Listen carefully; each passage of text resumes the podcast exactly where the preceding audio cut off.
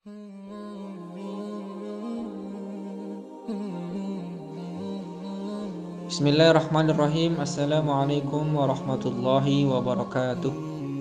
Sahabat yang dicintai Allah Ta'ala Di antara kebiasaan orang-orang saleh adalah mereka berusaha untuk lari dari pujian manusia dan pengagungan mereka serta membenci popularitas di kalangan manusia mencukupkan diri dengan pengetahuan Allah tentang keadaan mereka dan hanya berharap pahala dari Allah terhadap amalan mereka.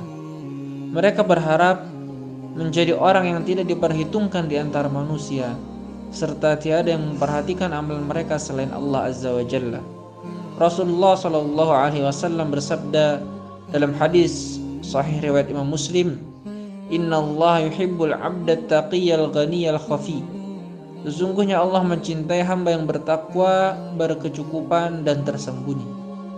Syekh Muhammad bin Shalih Al-Utsaimin rahimahullah menjelaskan maksud hadis ini di dalam kitab Syarh Riyadhis Shalihin huwa alladhi la yudhhiru nafsahu wa la yahtammu an yudhhira 'inda an-nas aw yusharu ilaihi bil banan aw yatahaddatsu an-nasu anhu. Yaitu orang yang tidak menampakkan dirinya tidak berambisi untuk tampil di depan manusia atau untuk ditunjuk oleh orang-orang atau diperbincangkan oleh orang-orang.